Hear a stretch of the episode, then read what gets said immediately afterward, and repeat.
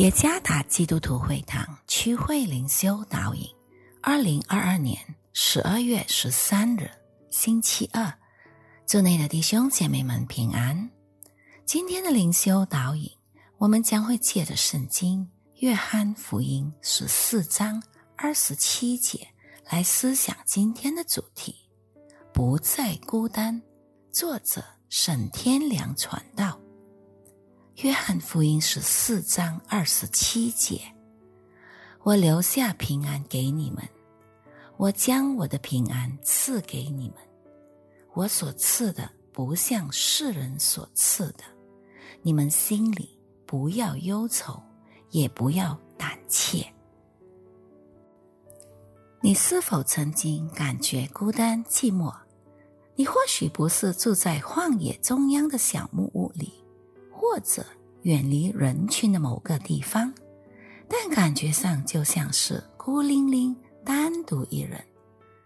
孤单对那些正在经历或者曾经经历过的人来说是一种折磨。有意想倾诉心声，却无人问津；需要帮忙，但没人能理解我们的心声和真实的需求。我们好似被人离弃，孤单一人。耶稣知道，当他不再与他的门徒一块时，他们所经历的孤单将会意味着什么？当门徒们在不久之后失去了他们的老师、领导者以及他们的守护者和保护者时，必定会有一种恐惧感。仿佛没有藏身之处，因此耶稣应许他们，总不撇下他们，也不丢弃他们，不管不顾。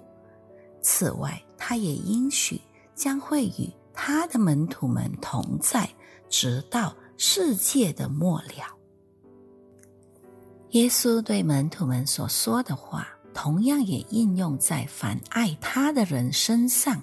参看第二十三节，爱的标志就是顺从他的话语。这样一来，神的平安必充满我们，那是没有任何东西可以代替的。因为三位一体的上帝与我们同在，为我们伸冤。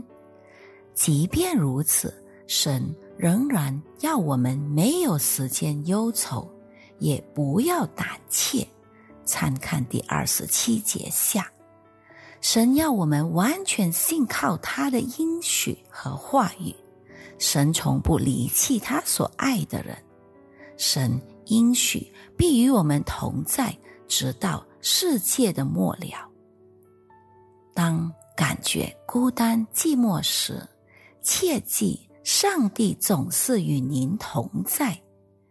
愿上帝赐福于大家。